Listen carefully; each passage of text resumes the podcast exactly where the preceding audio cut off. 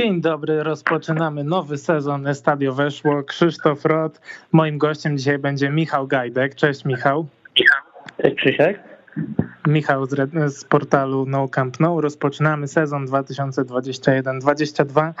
No i Michał, no zaczniemy sobie oczywiście od, od, tej katastrofalnej informacji dla Barcelony, ale też dla całej ligi, tak? Porozmawiamy o tym krajobrazie jak po bombie, tylko w tym wypadku bombą jest odejście Leo Messiego. E, jakie masz wrażenia po tej całej sytuacji? No i też siłą rzeczy, jakie masz oczekiwania na ten najbliższy sezon? No bo to oczywiście wielki cios dla drużyny. No, wrażenia są jednoznacznie, myślę, negatywne. E, tak jak powiedziałeś, e, na pewno dla całej Ligi Hiszpańskiej, ale jednak przede wszystkim dla kibiców Barcelony. No, trzeba sobie to powiedzieć wprost, że o ile Liga traci, to jednak przede wszystkim w pierwszej kolejności traci na pewno Barcelona. E, Barcelona traci e, sportowo, Barcelona traci ekonomicznie, Barcelona traci po raz kolejny już w ostatnich latach wizerunkowo. Barcelona traci właściwie na, na każdym polu.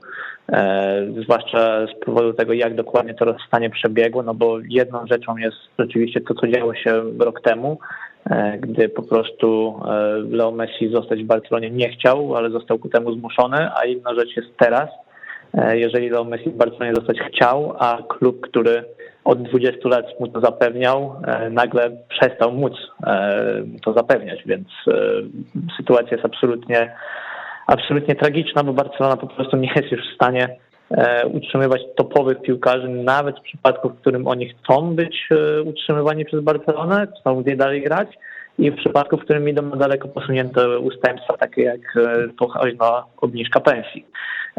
Jeśli chodzi o, o te oczekiwania no, w związku z utratą Leo Messiego, no one siłą rzeczy muszą być niższe, jeżeli chodzi o te występy Barcelony w najbliższym sezonie. Wydaje mi się, że E, tym bardziej e, kwestia, której no nie możemy tracić z pola widzenia, to jest też kwestia innych nabytków Barcelony, e, które wydają się naprawdę sensowne i tak oglądaliśmy je zresztą w sezonie, przynajmniej część z nich, zwłaszcza Memphis Depay tutaj prezentował się bardzo fajnie.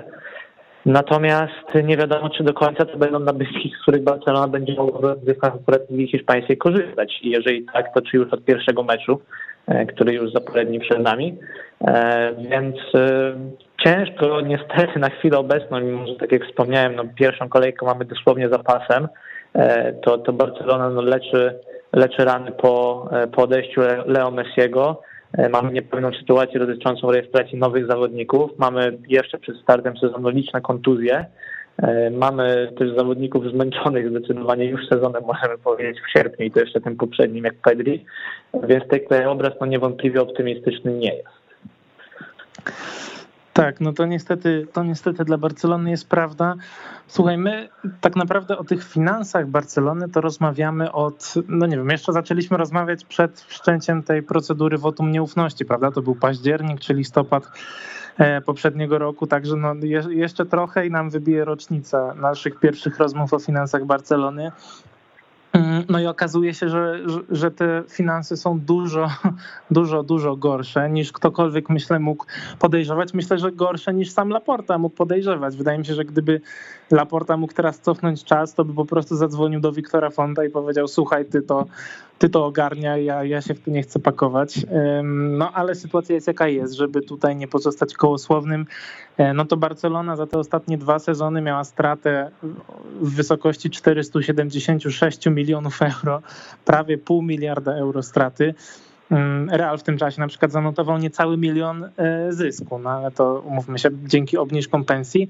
E, no i chodzi też o, o, ten budżet na pensję. Wydaje mi się, że to jest największy, największy problem, prawda? Bo mimo pozbycia się e, Leo Messiego, mimo odejścia, może to jest lepsze słowo, Leo Messiego z jego ogromną pensją, nadal wydatki na pensję stanowią 95% przychodów Barcelony, tak? Czyli za każde euro, które zarabia cała instytucja FC Barcelona, 95 centów idzie na pensję.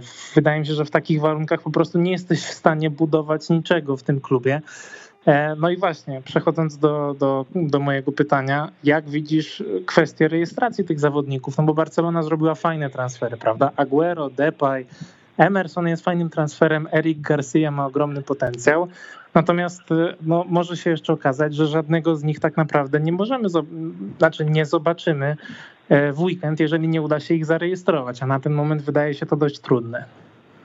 Myślę, że byłaby to absolutna przede wszystkim kompromitacja e, i to już kompromitacja żona Laporty bezpośrednio, bo jasne, tak jak wspomniałeś, my sobie rozmawiamy o, o finansach Barcelony od poprzedniego zarządu i tutaj nie da się ukryć, że odpowiedzialność za taki stan rzeczy, w jakim się Barcelona znalazła, to ponosi właśnie ten poprzedni zarząd. No ale jednak Jean Laporta jest prezydentem Barcelony od marca, mamy sierpień, E, wykonywał określone ruchy, e, na przykład na rynku transferowym, no nie możesz zrobić czegoś takiego, że podpisujesz zawodnika po to, żeby skorzystać z niego w lato w meczach presezonu, zapłacić mu za to i nie móc go potem zarejestrować do ligi. No to jeżeli rzeczywiście problem był taki, czy problem jest taki, że Barcelona ma zbyt wysoki limit zarobków, no to niestety najpierw trzeba było sprzedawać, a potem trzeba było kupować, nawet jeżeli e, te zakupy nie byłyby tak okazałe, bo tak naprawdę możemy powiedzieć, że Laporta trochę zapalił się sam w róg e, z tą, e, z tą strategią,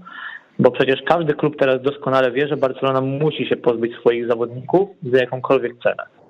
Jakkolwiek niska by ona nie była, to, to Barcelona powinna tę ofertę akceptować, żeby pozbyć się tych niechcianych, żeby móc wpisać tych, których chce, których dopiero pozyskała a to powoduje, że potencjalni kupcy no, nie muszą robić nic innego niż tylko czekać i po prostu obserwować, że Barcelona staje się coraz bardziej zdesperowana, żeby się tych zawodników pozbyć. Więc to szczerze mówiąc było od początku zagranie ryzykowne. Obawiam się, że Laporta mógł po prostu swoje, e, swoje umiejętności negocjacyjne przecenić e, i, i myśleć, że pójdzie, pójdzie łatwo. Natomiast być może nie wiem, e, czy, czy to może być kwestia jakoś pokoleniowa, że jednak Laporte, no, obejmował klub w 2003 roku, no to był 40-latkiem, zaledwie teraz wrócił już taki stateczny, no może nie stateczny, ale bo to pewnie niedobre słowo w odniesieniu do, do Laporta, ale jednak no, pan po 60, który być może gdzieś tutaj za tym nowym pokoleniem zawodników e, nie nadąża i, i, i tym, jak zmienił się świat futbolu w tym czasie, tak agenci, wszystkie prowizje, o których doskonale wiemy, E, pieniądze, które, które są tutaj obracane. Obawiam się, że on po prostu mógł nie być na to, na to przygotowany i teraz mamy tego konsekwencje. No, odpowiadając na Twoje pytanie, czy oni zostaną zarejestrowani, to szczerze mówiąc nie mam zielonego pojęcia i obawiam się, że nie wie tego nikt. Nawet sami mhm. zainteresowani przede wszystkim, przede wszystkim nie mogą być tego pewni. Myślę, że nie wie tego też Joan Laporta. No te najnowsze informacje są takie, że żeby kogokolwiek zarejestrować, to rzeczywiście najpierw trzeba kogoś wyrejestrować, przy czym nie oznacza to pozostawienia go na trybunach, tylko po prostu pozbycia się go z klubu w ten lub inny sposób. E, a czy to się uda, to, no to zobaczymy. E, czasu jest na pewno bardzo mało i tak jak wspomniałem, no Barcelona powoli musi zaczynać akceptować jakiekolwiek oferty, żeby, żeby po prostu móc ruszyć do przodu. Wiemy, że to trochę inaczej wygląda przy tych, e, w zależności od tego, o jakich piłkarzach rozmawiamy, prawda? Ci, ci którzy są e, sprowadzeni z wolnego transferu, z wygasłym kontraktem, można ich zarejestrować kiedy się chce, więc na przykład w przypadku kontuzjowanego Sergio Aguero jest to wygodne. Inaczej wygląda to przy Emersonie, którego trzeba zarejestrować do końca okna transferowego. No zobaczymy, jak to się, jak to się rozwinie. Natomiast e, ciekawi mnie, czy ty myślisz o tym, jak patrzysz na te katastrofalne liczby, tak? No prawie pół miliarda straty w dwa lata. No to jest, to jest sytuacja, w której normalne przedsiębiorstwa się zamyka, po prostu bankrutują. Czy czy myślisz, że, że ile może potrwać stanięcie na nogi? Że na przykład stanięcie na nogi ja rozumiem jako fakt, że taki klub jak Barcelona jest na przykład w stanie wydać, nie wiem, 30-40 milionów na piłkarza, który nie jest im jakoś super niezbędny, ale na przykład jako uzupełnienie składu i oni nie będą tutaj dwa razy jednego euro oglądać. Wiesz co, obawiam się, że tak naprawdę do momentu e, ograniczenia tych największych wydatków, czyli do momentu, kiedy te kontrakty będą się po prostu e, kończyć, mówiąc, mówiąc wprost. Jeżeli nie uda ci się pozbyć takich zawodników, których chciałby się pozbyć, no to niestety liczyć się z tym, że będziesz ich opłacać przez ten cały czas. Do tego dochodzi amortyzacja ich transferu, również wpływająca na limit zarobków i również siłą rzeczy e, obowiązkowa czy rozkładająca się na okres kontraktu, więc, więc ta cezura czasowa w skrajnym przypadku, jeżeli nagle nie zaczną rosnąć z powrotem przychody, a tutaj ciężko jest e, coś powiedzieć na ten, to pierwsze spotkanie z, z Realem Sociedad 30% widzów, to są jakieś pieniądze, ale to na pewno nie są duże pieniądze, nie są to wystarczające pieniądze, więc ten czarny scenariusz myślę, że może i to zakładać, a pytanie, czy do tego czasu Barcelona jest w stanie wytrzymać, bo ja miałem okazję być teraz na przykład w czerwcu na, na zgromadzeniu Socios e, i jednym z punktów do głosowania e, było wzięcie kredytu od Goldman Sachs na niebagatelną sumę 525 milionów euro. E, ten kredyt został zaciągnięty i został zaciągnięty właśnie w tym celu, żeby nie narobić sobie zaległości, czyli Barcelona jest w takiej paradoksalnej sytuacji, że z jednej strony pieniądze, możemy powiedzieć, fizycznie na koncie ma, to znaczy zawodnicy są opłacani na bieżąco. Nie mamy tutaj zaległości w stosunku do nich, natomiast oni są opłacani na kredyt. E, I ten kredyt kiedyś trzeba będzie spłacić z tych przychodów, które będą później, więc te przychody, jeżeli nawet przyjdą, no to nie będą mogły być w pierwszej kolejności przeznaczone na transfery, tylko będą przeznaczone właśnie na to, żeby spłacić na przykład zobowiązania. E, więc e, no, sytuacja jest na pewno nie do pozazdroszczenia. Myślę, że to jest spokojnie niestety ładnych parę lat, e, nim Barcelona stanie na nogi, chyba że znowu będziemy słyszeć o jakimś rewolucyjnym pomyśle zmiany futbolu, tak jak rewolucyjny projekt miał Florentino Perez i jego Superliga, tak jak Javier Tebas i jego umowa z CVC, która była równie rewolucyjna, to może tym razem Barcelona coś rewolucyjnego wymyśli sama z siebie i tym razem zostanie to zaakceptowane przez innych, bo szczerze mówiąc, jeżeli nie będzie jakiegoś takiego przełomu, no to na pewno szykuje się parę ładnych lat e, chudych. Tak, ja też e, odpowiadając poniekąd na, na własne pytanie, to też czytałem taki artykuł, że no jeżeli nie dojdzie do Superligi, jeżeli nie będzie tego nagłego zastrzyku ogromnej gotówki, no to może to i potrwać nawet więcej niż 5 lat, więc naprawdę zapowiada, zapowiadają się ciężkie czasy. I e, właśnie, tak swoją drogą właśnie mi się przypomniało, e, czy e, mówi się o tym, żeby jako, jakkolwiek pociągnąć do odpowiedzialności poprzedni zarząd? No bo wydaje mi się, że takie działania jak najbardziej podpadają pod działanie pod szkodę przedsiębiorstwa, czy w ogóle odpowiedzialność karną za niektóre przestępstwa finansowe. No właśnie Jean Laporta, powiem szczerze, pod tym względem do tej pory był dosyć, e, dosyć łagodnie, bym powiedział, nastawiony, co mogło być pewnym zaskoczeniem. Podobno wynikało to właśnie z tego, że Laporta dojrzał, przestał być taki, e, taki gorączkowy, możemy powiedzieć. E, I przede wszystkim on się znalazł w tym procesie po drugiej stronie 10 lat temu, to znaczy on się bronił przed sądem, przed sądem, przed oskarżeniami kolejnego zarządu, które występowały w imieniu klubu. No i być może dlatego Laporta powiedział, że to było absolutnie najgorsze, co go spotkało i nie życzy tego nikomu, nawet najgorszemu wrogowi. Natomiast myślę, że mhm. to nie jest tylko decyzja Laporty do podjęcia, e, na szczęście.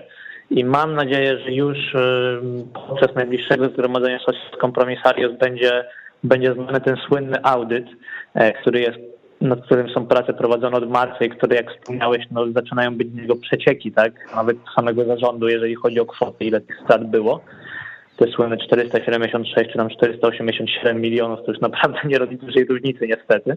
E, I jeżeli ten audyt się ukaże, no to podobno jego częścią mają być właśnie wnioski takie, czy możemy tutaj stwierdzić o tym, e, że, że to zarządzanie było, było złe i że są podstawy do tego, żeby do odpowiedzialności pociągać były zarząd.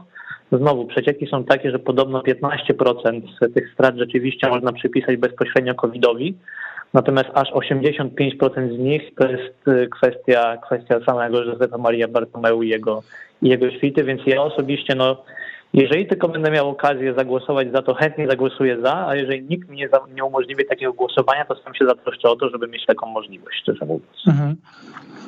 Słuchaj, przechodzimy powoli do, do spraw takich bardziej sportowych, jeśli chodzi o Barcelonę. Ja sobie spojrzałem dziś rano na, na oficjalnej stronie na, na, na kadrę, która jest y, pokazana na tej stronie. I tak sobie wynotowałem, kim de facto Ronald Koeman może grać y, w weekend przeciwko Realowi Sociedad, jeśli jeśli chodzi o pomoc i o atak, no bo wiadomo, że tam obrona trochę lepiej wygląda w tym aspekcie. E, no i jak tak sobie wynotowywałem, no to tak, Aguero, Dembele, De Jong, Jan Sufati jeszcze nie, jeszcze nie wyleczyli kontuzji, nie są, nie są do dyspozycji. Pianić najpewniej odchodzi, choć w sumie nie wiem, co się dzieje dokładnie z Pianiciem, on wydaje mi się, że miał już odchodzić, ale jeszcze nie odchodzi. Coutinho dopiero co wrócił po kontuzji, a Pedri to jest w ogóle najzabawniejsza sprawa w tym wszystkim, mam wrażenie, bo on po rozegraniu 70 meczów w poprzednim sezonie, w ubiegłym tygodniu zagrał w finale Igrzysk Olimpijskich, miał trzy dni wakacji. No i z tego, co się dzisiaj y, ukazywało w hiszpańskich mediach, to Ronald Koeman ma na niego postawić od początku w meczu z Realem Sociedad i że podobno Pedri będzie miał wakacje później, no ale to ja nie wiem, kiedy on będzie miał te wakacje, nie wiem, we wrześniu, w grudniu, po mundialu kluczowe dnie. No właśnie, więc to, to jest słabe, bo mam wrażenie, że jeśli chodzi o Pedriego, no to rozegranie dwóch sezonów z rzędu z taką intensywnością, e, no może po prostu mieć jakieś tam skutki dla jego późniejszej kariery, więc tutaj, tutaj się zastanawiam. I jeżeli sobie wynotowałem piłkarzy, którzy na pewno mogą być do gry, no to jeśli chodzi o pomoc i ofensywę, wyszli mi e, Busquets, Ricky Puig, Griezmann i e, Bright White. To nie wygląda zbyt obiecująco. No niestety, no myślę, że to mówi, mówi samo za siebie, że tutaj właściwie kogoś trzeba było na sztukę, tak jak się to czasami mówi, e, powoływać, bo, bo rzeczywiście sytuacja, sytuacja jest tragiczna. Też w sumie pozwolę sobie nawiązać, bo nie wspomniałeś o jednym nazwisku, słusznie o nim nie wspomniałeś, natomiast tutaj mamy przeciwny biegun w stosunku do Pedriego. Pedri to jest no, 18-latek, w stosunku do którego ja uważam, że jest po prostu on ma sam dobrą postawę, natomiast e, być może, natomiast jest po prostu źle e, doradzany, w tym sensie, że fajnie, że chłopakowi chce się grać i że chce się mu grać wszystko, absolutnie co tylko może, ale jednak tutaj starsi, mądrzejsi od niego powinni po prostu go usadzić na ławkę e, i, i kazać mu odpocząć, no bo to może być szkodliwe dla jego, dla jego zdrowia, dla jego kariery, dla, dla przyszłości klubu po prostu. Więc uważam, że ten, ten temat powinien być rozwiązany przez kogoś, kto mu doradza. Natomiast tego nazwiska, którego nie wspomniałeś, e, to jest Ilaś Moriba, którego sytuacja jest absolutnie nieznana. Jak widać, bardzo by się teraz przydał. Natomiast on jest po, po odbyciu presezonu tylko i wyłącznie w formie treningów. Nie grał czy to w Barcelonie, czy w Barcelonie B. Podobno do niego Barcelona będzie słuchać ofert, bo ma dosyć negocjowania z nim.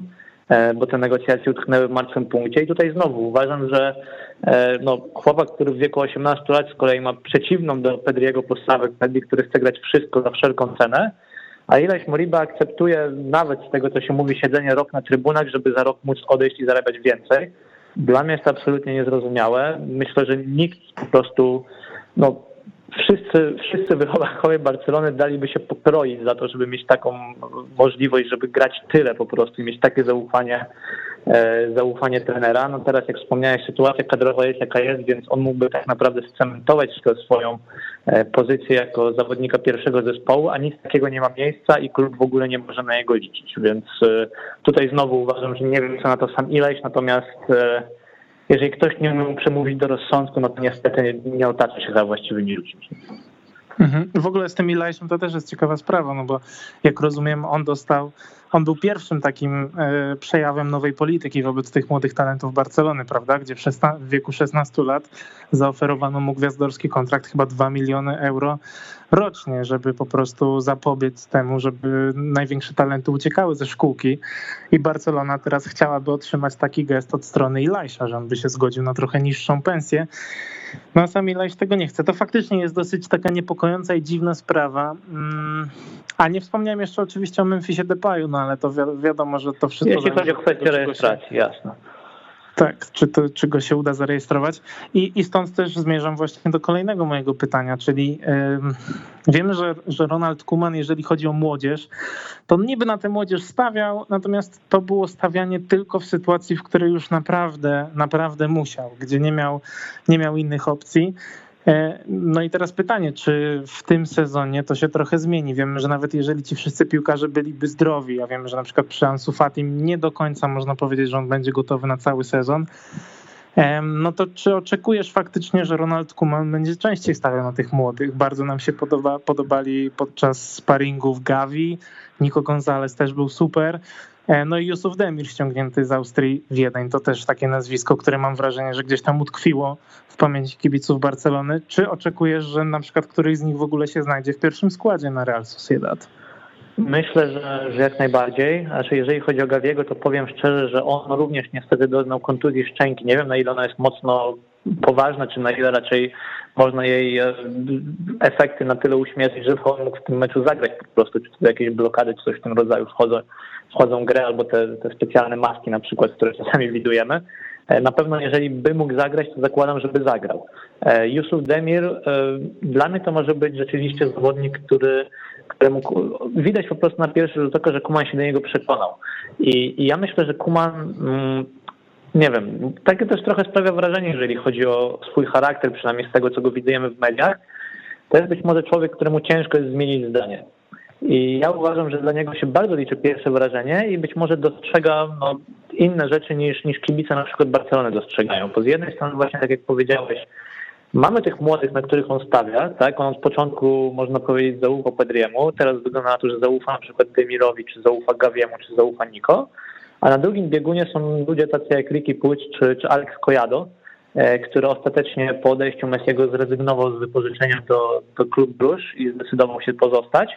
I mamy tutaj dokładnie taką samą sytuację jak z Rickiem rok temu, to znaczy Kuman wprost mówi, że mu nie ufa, natomiast Kojado, podobnie jak Ricky, postanowił zostać, żeby przekonać go, że jest inaczej. Miejmy nadzieję, że z lepszym efektem, bo rzeczywiście był to zawodnik, który przekraczał bardzo mocno poziom Barsy B w ostatnich sezonach, więc y, powiedziałbym, że to zaufanie Kumana do młodych jest takie troszkę mocno wybiórcze, to znaczy ani bym powiedział, że to jest trener, który ufa młodym, albo trener, który nie ufa młodym, tylko ufa tym młodym, którzy z jakiegoś względu mu przypasowali, a ja tutaj klucza za specjalnego nie mogę odnaleźć. Mhm. A właśnie a propos Aleksa Kojada, bo też się gdzieś zgubiłem w tych medialnych doniesieniach. Rozumiem, że on po prostu zostaje w Barcelonie, bo, bo po odejściu Messiego rozumie, że ma szansę na grę w pierwszej drużynie. No on tak, on tak rozumie, natomiast pytanie jest takie, czy Ronald Kuman też tak rozumie, bo podobno on zdania nie zmienił mimo, mimo odejścia Leo Messiego, natomiast pytanie jest takie, pytanie jest takie też, czy kontuzja ewentualnie, czy kontuzja Kuna Aguero no nie spowodowało jeszcze przesunięcia siłą rzeczy e, Alexa Cuedo w hierarchii.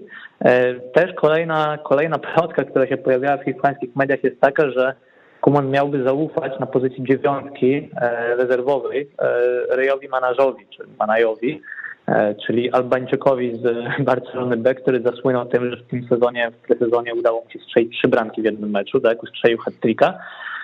Natomiast to mówiąc szczerze jest zawodnik no, oporny, oporny dosyć technicznie.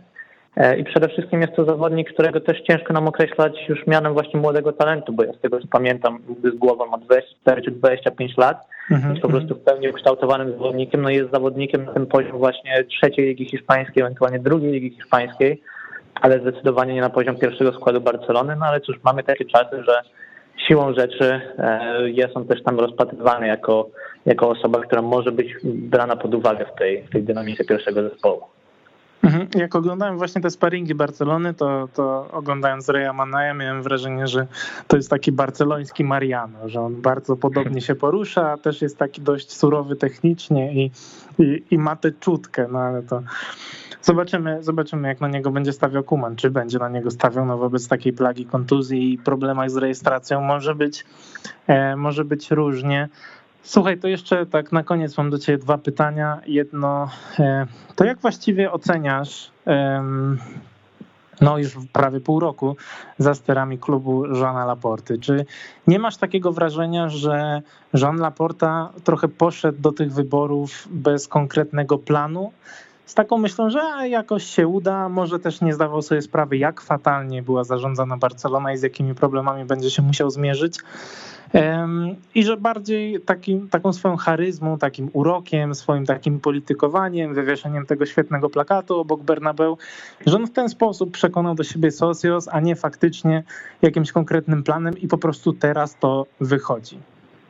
Jasne, ja myślę, że to jest coś, o czym rozmawialiśmy też w okresie kampanii, że problemem być może Wiktora Fonta było to, że on był zbyt konkretny i zbyt dużo mówił, a w związku z tym, jeżeli dużo masz informacji, to zawsze potrafisz wyłapać w nich jakieś nieścisłości i, i on zaliczał sporo wpadek, natomiast Laporta wpadek nie zaliczał, praktycznie nie robił nic. Więc ciężko było się skonfrontować z jego programem i znaleźć tam jakieś słabe punkty, bo po prostu tego programu widać nie było. No, natomiast już teraz widzimy po, po tych kilku miesiącach, że ten program, nawet jeżeli istniał w tej bardzo szczątkowej wersji, to istnieć przestał, bo jeżeli chodzi o kwestię sportową, no to Jean Porto sporo mówił e, o tym właśnie, że skłonił Leo Messiego do pozostania. Okazało się, że rzeczywiście go skłonił, natomiast tak czy siak Leo Messi pozostać w Barcelonie nie mógł. A jeżeli chodzi o walkę ekonomiczną, to Jean Laporta ufał niejakiemu Jaume Giro, E, który miał być prawą ręką i wiceprezydentem do spraw ekonomicznych. No i pan Giro dwa dni po wynikach wyborów, jak właśnie weszli na porty do klubu i zobaczyli, co się tam dzieje, to uprzejmie zrezygnował i podziękował za takie wyzwanie. Tam wymyślono, że, że on ma jakąś bardzo ważną posadę w Londynie, której musi, nie, nie będzie dzielić tych obowiązków i tak dalej, no jakaś taka typowa zasłona, zasłona dymna. Natomiast to jest właśnie coś, co mnie zastanawia, no, że jeżeli Jaume Giro zorientował się po dwóch dniach, że jest coś nie tak, to czemu Laporta potrzebował na to aż pięciu miesięcy? E, więc tutaj na chwilę obecną jest rozczarowanie, nie da się ukryć, że jest rozczarowanie. Nie można natomiast zapominać tego, że e, gdzieś tam, no mówię, to, to, to powinniśmy mieć zawsze z tyłu głowy, że jeżeli krytykujemy Laportę, krytykujemy go za to, jak sobie radzi, czy sobie nie radzi z tym, co pozostawił mu Bartomeu, bo do tego został wybrany. Natomiast no, główne źródło problemów jest oczywiście gdzieś indziej i nie można tych, tych planów ze sobą w żadnym stopniu zrównywać, jeśli chodzi o rozmiar wyrządzonych szkód. Mhm. To jakbyś miał powiedzieć, kto ponosi y, największą odpowiedzialność za odejście Leo Messiego, bo też oczywiście wszystkie te takie komentarze, które też się zaczęły pojawiać w internecie, y, nie wiedzieć czemu, że Messi mógł grać za darmo, że coś tam, to, to wsadzamy między bajki, bo uważam, że jesteśmy poważnymi ludźmi, rozmawiamy o poważnych rzeczach jaką jest piłka nożna. E, natomiast kto twoim zdaniem ponosi faktycznie odpowiedzialność? Czy to jest Bartomeu, czy jednak Laporta, który gdzieś tam, no Messi mógł odczuć, że jest trochę wodzony e, za nos? Uważam, że, że absolutnie 90% tej odpowiedzialności, bym miał tu odłożyć, to są te zaniechania i zaniedbania popełnione przez lata. E, głównie przez, przez José Maria Bartomeu, wcześniej nawet przez Sandro Roseja, jeżeli chodzi o kwestię relacji z Messi. Natomiast w tych pozostałych 10% no ja widzę przeważającą winę, winę Laporty, e, być może większą nawet niż, e, niż tutaj instytucja La Liga z Javierem Kubasem na czele. Więc myślę, że jakbym miał to określać tak mocno razy drzwi, oczywiście liczbowo, to gdzieś te 6% bym dla raporty zostawił, ale, ale tak to absolutnie 90% co najmniej to jest, to jest wszystko e, to, co się działo za czasów Bartomeu i to niestety będzie się za nami długo ciągnąć i i to jest też coś, nawiązując jeszcze na koniec do tego, do tego twojego poprzedniego pytania, nie wiem, czy Laporta był na to przygotowany, że on będzie obarczany odpowiedzialnością za to, jeżeli czegoś nie uda mu naprawić, co nie on zepsuł, bo ta decyzja, czy te, te, efekty się będą materializować dopiero teraz, w najbliższich latach. Tak? No nie będzie można robić transferów, nie będzie można zatrzymywać zawodników, e, ciężko będzie opłacać, e, opłacać długi i tak dalej i, i Laporcie będzie się tu udawać lepiej lub gorzej, natomiast on naprawia nie swoje błędy. E, więc e, no, ciężko z tej perspektywy go trochę ocenić. Mhm. Dobrze, to na koniec powiedz mi w takim razie, jakie ty masz nastawienie przed tym sezonem? Czy to jest sezon, który ty po prostu chcesz przetrwać, mając nadzieję, że za rok po prostu będzie, będzie lepiej, będzie swobodniej, czy jednak masz jakieś oczekiwania wobec Kumana i jego drużyny? Wiesz co, poprzedni sezon, szczerze mówiąc, był taki, to znaczy przed startem poprzedniego sezonu ja mówiłem, że to jest sezon przejściowy i w tym roku miało być to lepiej. Jak widać jest inaczej, ale niekoniecznie lepiej. E, natomiast tak, tak mówiąc zupełnie serio, jeżeli e, no, po całej tej dace pesymizmu pewnie może ciężko w trochę, trochę w to uwierzyć i nie brzmi to logicznie, ale jeżeli chodzi o kwestię, e, o kwestię czysto La Liga, to jeżeli tych zawodników wszystkich się uda zarejestrować, to ja szczerze mówiąc nie wykluczałbym tutaj walki nawet przez Barcelonę o, o mistrzostwo Hiszpanii. E, uważam, że, że liga na chwilę obecną cała jako, jako liga przeżywa kryzys.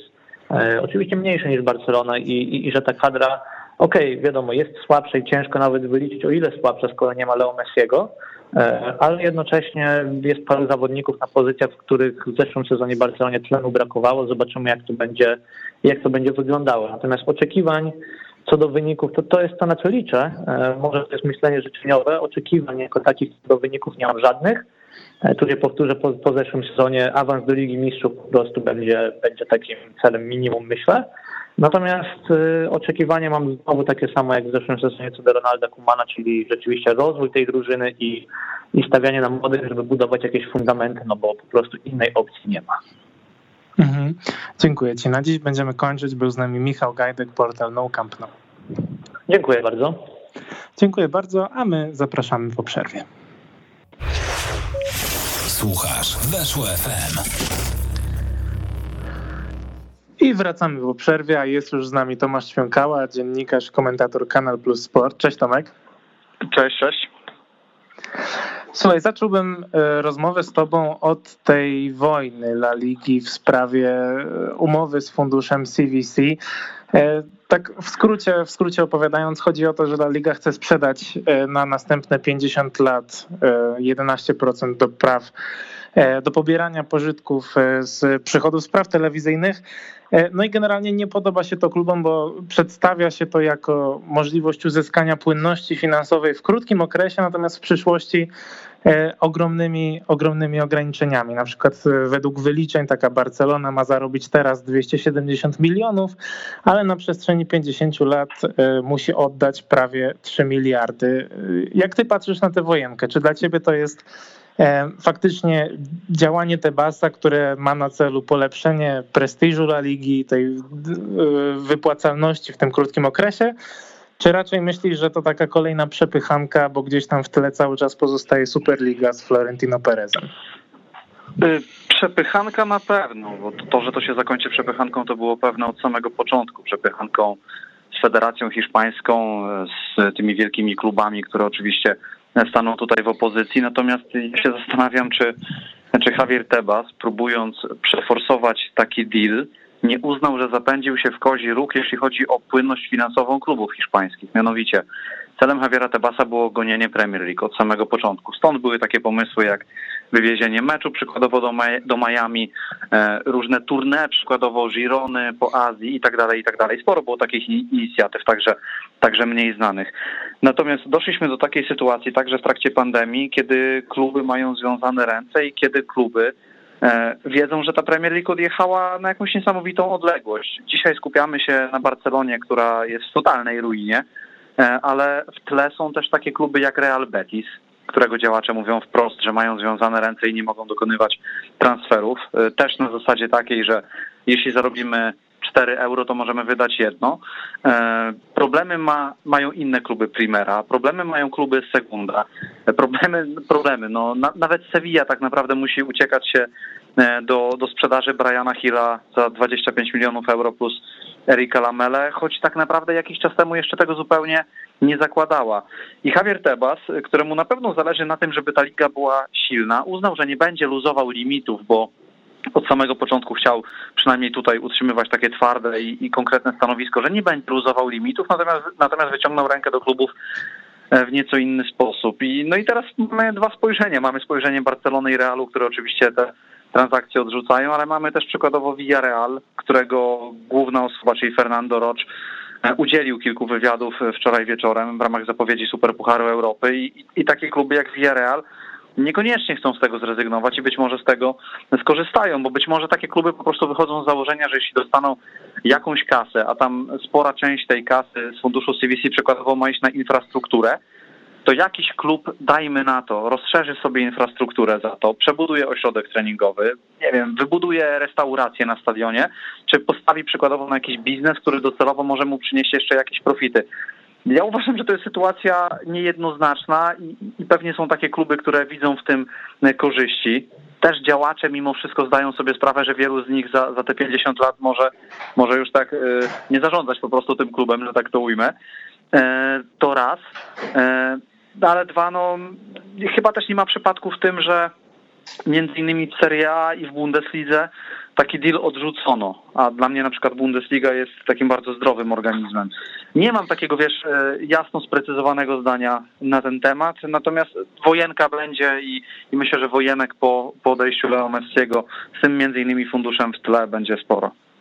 Mhm. Mi się też wydaje swoją drogą no dość kontrowersyjne to, co napisała Federacja w tym swoim oficjalnym komunikacie, prawda, że technicznie to będzie wyglądało tak, że zostanie utworzona inna spółka, której zostaną przekazane prawa dla ligi i wówczas Javier Tebas jako prezes tej nowej spółki będzie mógł otrzymywać jakieś tam dodatkowe wynagrodzenie, które będzie poza kontrolą e, federacji, no bo to będzie inna spółka, więc tutaj zakładam, że może być jakiś, jakiś, jakiś drugi motyw. E, słuchaj, a takim drugim no to tematem to jest, no to, to jest troszkę no? to, to, jest troszkę alarmujące. tak, tak jest, no też mi się tak ale, tak wydaje, że to jest ja, tak. Ja cały czas mam wrażenie, że, że wokół tych wszystkich teraz historii, które się toczą, Messiego, e, Superligi, bo powiedzmy, że, że Messi jest tutaj na czubku tej, tej całej piramidy, to, to w tle się toczy wiele jakichś różnych historii, których szczegóły być może poznamy po prostu w najbliższych tygodniach, miesiącach albo w ogóle nie poznamy, bo, bo samo zachowanie Joana Laporty w końcówce tej walki o Leo Messiego, no to była zagadka, no nie oszukujmy się. E, I, I nawet ludzie, którzy stali poniekąd po jego stronie, jak pan Jopis, no sugerują, że że między innymi Florentino Perez przekonał Joana Laporte, żeby ten oddał Leo Messiego i nie sądzę, że to są jakieś po prostu takie wymysły, że gość nagle się obudził któregoś dnia i uznał, że coś takiego powie w mediach. E, cała ta sytuacja jest niesamowicie zagmatwana i, i powiem Ci szczerze, że ja nawet nagrywając jakieś różne odcinki na YouTube'a, czy wypowiadając się na ten temat, mam świadomość, że za chwilkę któregoś dnia może pojawić się jakaś dodatkowa informacja, czy dodatkowa teza, która całkowicie nam zburzy to, o czym mówimy w tym momencie, więc więc jeszcze czekam na to, co się wydarzy w najbliższym czasie. No właśnie, bo też cały czas gdzieś tam w tle pozostaje nam ten taki obraz. W Hiszpanii Florentino Perez jest jako taki właśnie ojciec chrzestny, taki ma image przynajmniej, prawda, że jak, jak coś chcesz tak, załatwić, tak, tak. to zadzwoń do Florentino i, i będzie dobrze. No, wiesz, to, Słuchaj, a drugi... Florentino, no? Florentino to jeszcze tylko tak skończę, troszkę idziemy od jednej ściany do drugiej, bo, bo pod tym całym cyrku związanym z Superligą, po tym wystąpieniu w Chiringuito, Florentino także moim zdaniem wypadł bardzo źle i, i, troszkę wyglądał jak człowiek, któremu świat odjechał. A tutaj nagle się okazuje, że, że ten Florentino patrzy 15 kroków do przodu i że on w ogóle wszystko przewidział, co się wydarzy na rynku transferowym, także odejście Leo Messiego, więc za chwilkę się okaże, że dobijemy do drugiej ściany i że Florentino Perez po prostu jest człowiekiem, który zarządza całym rynkiem w tym momencie w Europie, więc no, to też jest sytuacja niejednoznaczna. Tak, nie zdziwiłoby mnie to.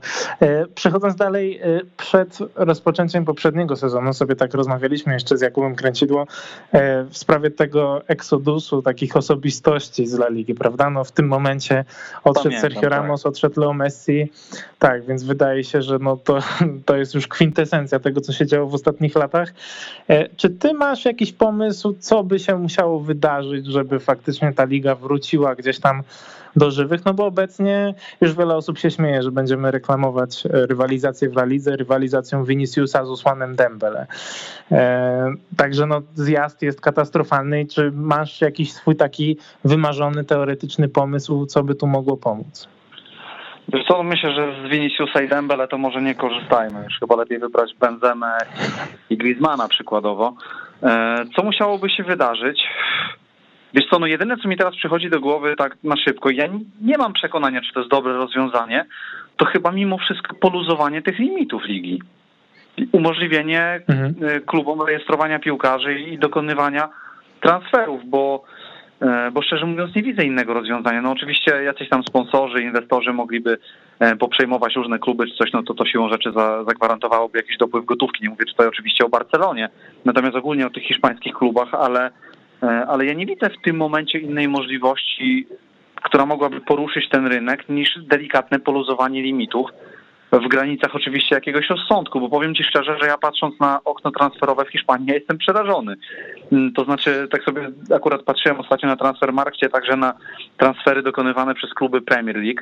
Jacy piłkarze kosztują przykładowo po kilkanaście czy dwadzieścia milionów euro, no to przecież gdyby dzisiaj E, jakiś hiszpański klub typu Betis kupił zawodnika za 15 milionów euro, to byłaby gigantyczna bomba transferowa. A w Premier mhm, League taki tak. Leeds United wydaje sobie 15 milionów euro za juniora Firpo, jest to transfer numer 140 w lidze. E, więc no oczywiście mhm. przesadzam, ale wiesz o co mi chodzi, że no nikt nie zwraca uwagi na juniora Firpo w Anglii. A to jest kwota kilkunastu tak. milionów euro, kwota, która praktycznie poza poza takimi klubami jak, jak Sevilla, no wiadomo, Real Madrid jest oszczędny teraz, no ale te pieniądze ma, czy Atletico, które wydało 35 za Rodrigo de Pola, to jest kwota po prostu z kosmosu w tym momencie. E, I tak, ja jestem nieustająco no, też w szoku, że... Trzeba liczyć na pewno mi... na, na to... No, no powiedz, powiedz.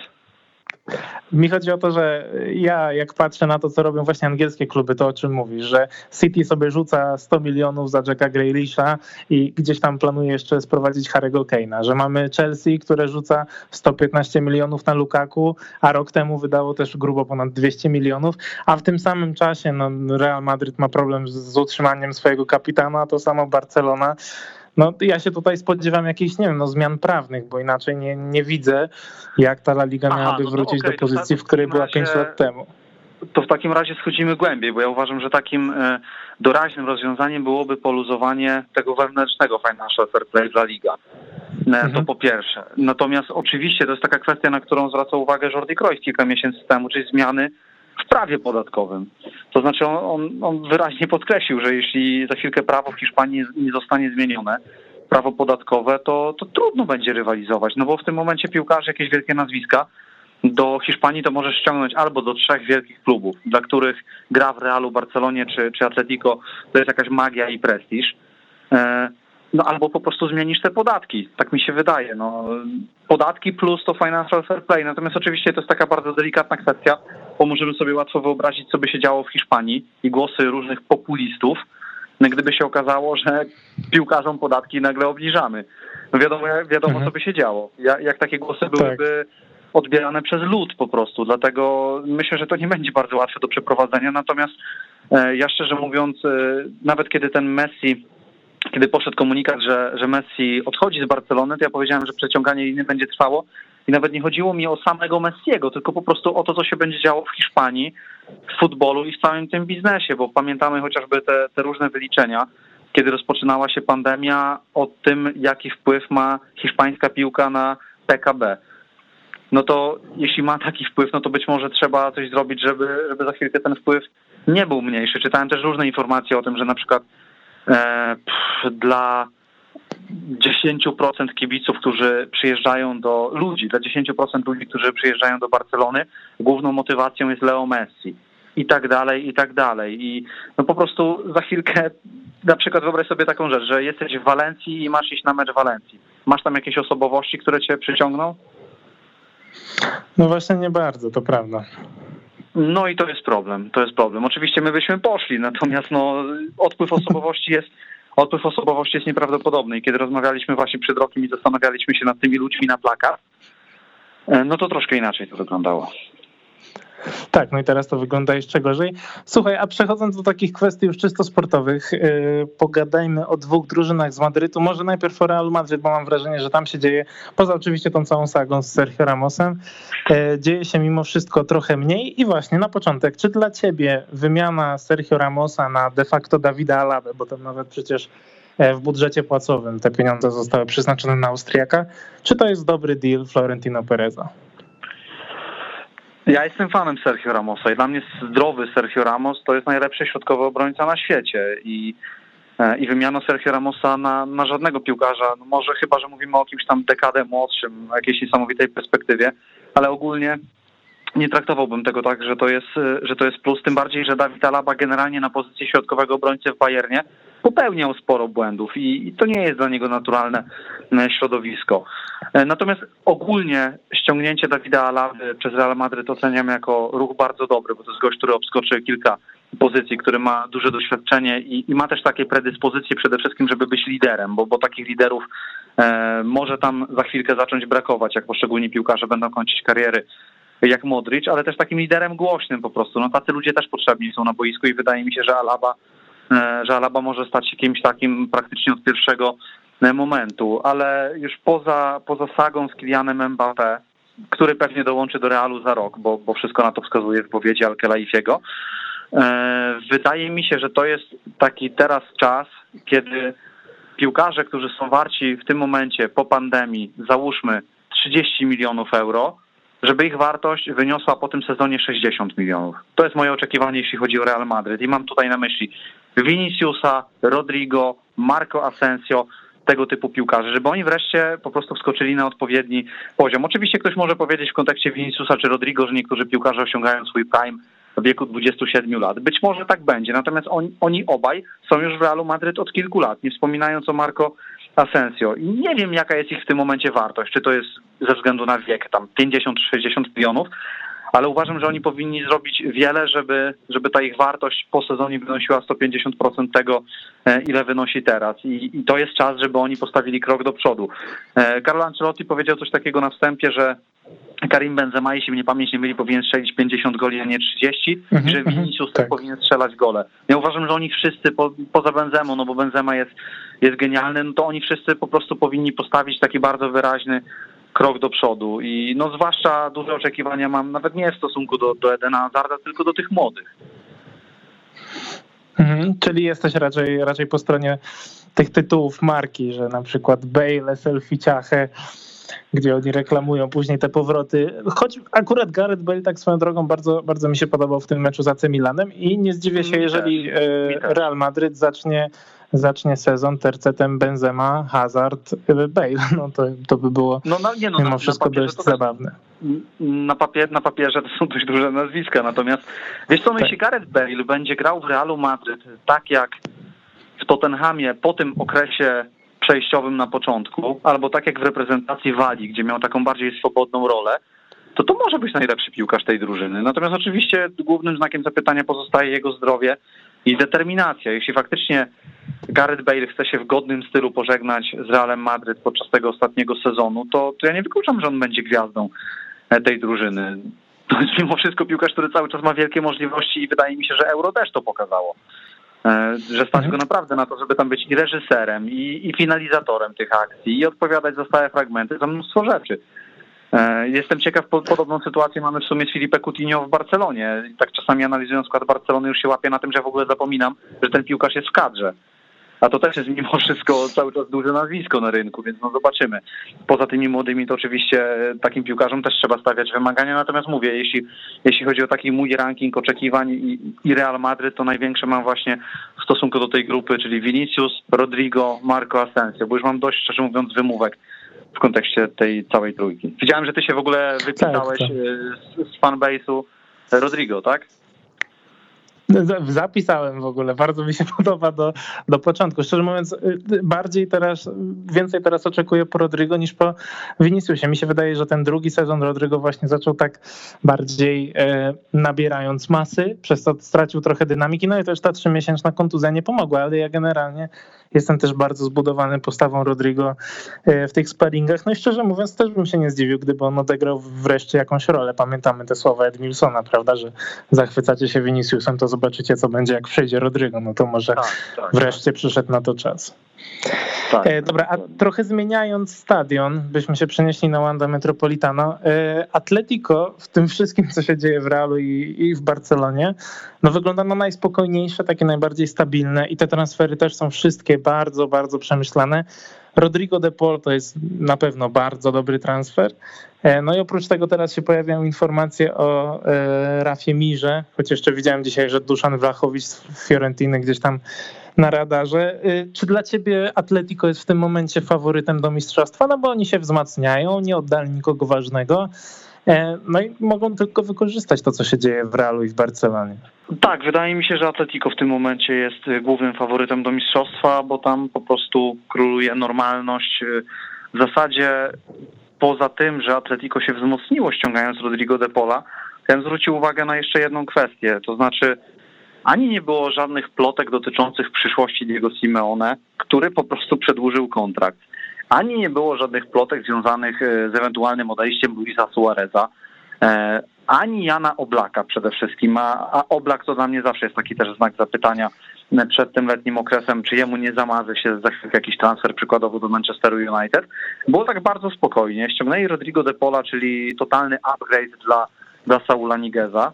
E, mówi się o Rafie Mirze, który ma być alternatywą dla Luisa Suareza, ale to też jest taki napastnik, który spokojnie może zagrać i z Suarezem i za Suareza. E, Rafa Mir wydaje się być kwestią czasu, kiedy po prostu zostanie ogłoszony, więc no Atletico wręcz imponuje takim rozsądkiem e, i wszystko się tam zgadza. Natomiast gdzieś mi cały czas intuicja podpowiada, że um, trudno mi sobie wyobrazić Atletico mimo wszystko sięgające po dwa mistrzostwa z rzędu. E, mhm. Ale gdyby takie coś się udało, bo, bo Simeone wielokrotnie powtarzał, że jego głównym celem jego pracy w Atletico jest skracanie dystansu do tej wielkiej dwójki, e, no to teraz stoi przed szansą, żeby ten dystans bardzo skrócić, ale przed taką szansą stoi też Sevilla, której, której też bym mimo wszystko nie skreślał w tej walce o mistrzostwo, bo, bo o tym klubie w ogóle się nie mówi, a oni też coraz głośniej mimo wszystko głoszą takie deklaracje, między innymi Pepe Castro, że e, my się nawygrywaliśmy w Lidze Europy, ale teraz cel teraz czas na coś więcej, czyli na, na jeszcze wyższe cele, czyli być może walka o nie wiem, półfinał Champions League. Brzmi to mało prawdopodobnie, no ale jednak te cele trzeba sobie stawiać, plus, plus być może walka o top 3, top 2 w Hiszpanii. Jeśli Monchi wyczaruje jakiś super piłkarzy jeszcze w końcówce tego letniego okna transferowego, gdzie wiadomo, że pewne ruchy są uzależnione od tego, czy Gilles Kunde trafi do Chelsea, to nie można wykluczyć, że Sevilla znów bardzo fajnie się wzmocni. Natomiast Rafa Mir, jeszcze tak puentując, taki transfer, o którym być może niewiele się będzie mówiło w tym oknie, no bo mamy, mamy bomby, mamy Messiego, Ramosa, Grealisha, Lukaku, może Keina. Natomiast na podstawie tego, co ja widziałem przede wszystkim w USC, jeśli chodzi o Rafa Mira, to naprawdę jest gość, który, w którym drzemie gigantyczny potencjał i jestem bardzo ciekaw, jak on się odnajdzie na tym, na tym poziomie. Ja uważałem, że on po tej USC trafi do klubu spółki powiedzmy Betisu czy Realu Sociedad, czyli klub z jakąś presją, klub z oczekiwaniami i, i duży klub w Hiszpanii, ale jeszcze nie na absolutny top, czyli nie Atletico. No ale wygląda na to, że, że szybciej przeskoczy o kilka pięter. Mhm. A spodziewasz się po kimś z tych takich aspirujących, właśnie wymieniłeś Real Betis, Real Sociedad, Sevilla oczywiście gdzieś tam cały czas narzuca ten rytm, no w końcówce poprzedniego sezonu nawet w pewnym momencie miała gdzieś tam szansę na mistrzostwo. E, czy właśnie po takich zespołach spodziewasz się takiego kroku do przodu, czy jednak też ten kryzys i te obostrzenia wewnętrzne, o których rozmawialiśmy, czy to raczej wszystko sprawia, że ciężko jest rozmawiać o jakimś kroku do przodu w przypadku tych drużyn i trzeba czekać może aż wrócą kibice, aż gdzieś te budżety się ustabilizują i będzie można wzmacniać te drużyny?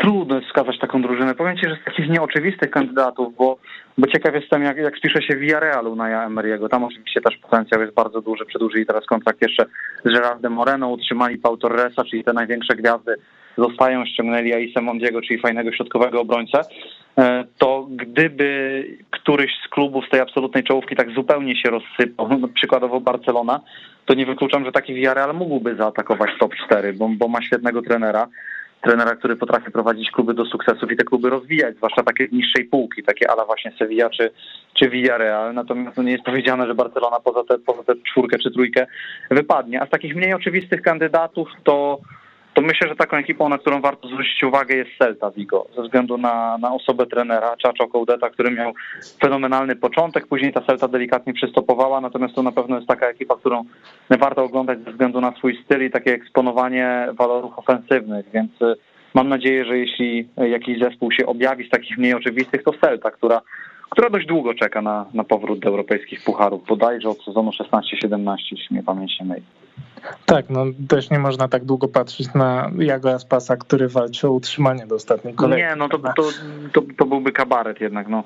Gość notujący takie liczby, ale to była też zawsze bolączka Celty tak naprawdę we wszystkich ostatnich sezonach, czyli, czyli słaba defensywa. W zasadzie patrząc na piłkarzy, którzy tam grali z przodu, którzy przewinęli się przez atak czy drugą linię Celty, to tam było sporo naprawdę interesujących nazwisk jak na ten poziom, ale zawsze później się okazywało, że no, że defensywa popełniała błędy i ci bramkarze też nie byli najpewniejsi, albo jeśli już przykładowo Ruben Blanco grał, no to przytrafiały się urazy. Dlatego mam nadzieję, że, że Czaczo Kołdet po prostu pokaże się z takiej strony jako trener, jak na początku swojej pracy w Vigo. Tomek, zamykając e, już trochę naszą dzisiejszą rozmowę, dostałem dzisiaj rano też takie pytanie na Twitterze. E, po co, po co właściwie w obecnej sytuacji oglądać, oglądać sezon Primera Division, który zaczyna się już w piątek? E, ja mam kilka odpowiedzi, jestem ciekaw Twojej odpowiedzi. Po co oglądać sezon La Liga? Wiesz co, wydaje mi się, że niezależnie od okoliczności, to, to Real Madrid i Barcelonę warto oglądać, bo, bo zawsze mamy takie trendy w futbolu, że chwilowo rządzi Liga Włoska, później jakaś inna liga, później mieliśmy erę dominacji hiszpańskich klubów, teraz mamy erę dominacji Premier League, natomiast te trendy się odwracają i natura nie znosi próżni, dlatego ja też mam nadzieję, że że w tym sezonie objawi się kilku nowych Pedrich przykładowo. Na przykład w takiej Barcelonie wydaje mi się, że Ronald Koeman w zasadzie nie będzie miał wyjścia, tylko kilka nowych twarzy jeszcze będzie musiał zaproponować ala Gabi, e, czy, czy Demir przykładowo. Jeśli chodzi o Real Madryt, e, przede wszystkim Gutierrez spośród tych młodych zawodników, to piłkarz, który robi na mnie zdecydowanie najlepsze wrażenie. No i jest Atletico, o którym też mówi się no, stosunkowo niewiele w porównaniu tam z PSG, Bayernem, Juventusem i całą resztą. Natomiast ten klub fantastycznie się rozwija i, i wydaje mi się, że, że to też jest kwestia czasu, kiedy Atletico będzie w stanie rzucić wyzwanie tym największym i powalczyć o Ligę Mistrzów. E, plus moja ulubiona Sevilla, to jest taki zespół, do którego zawsze pałam wielką sympatią e, ze względu na, na to promowanie zawodników. No i myślę, że warto też oglądać tę ligę z tego względu, że w Kanal Plus będzie nowy program na temat tych rozgrywek, to znaczy program o nazwie Ola La Liga. E, I no i zapraszam. Więcej rzeczy chyba zdradzimy w najbliższych dniach. Dziękuję Ci bardzo, Tomek. Był z nami Tomasz Ćwiąkała, dziennikarz Kanal Plus Sport. Dzięki. Bardzo dziękuję. Dziękuję. Dziękuję również. E, no, oczywiście rozpoczynamy w ten weekend sezon na ligi, także serdecznie zapraszam. My się słyszymy tradycyjnie za tydzień, także trzymajcie się ciepło. Do usłyszenia. Cześć.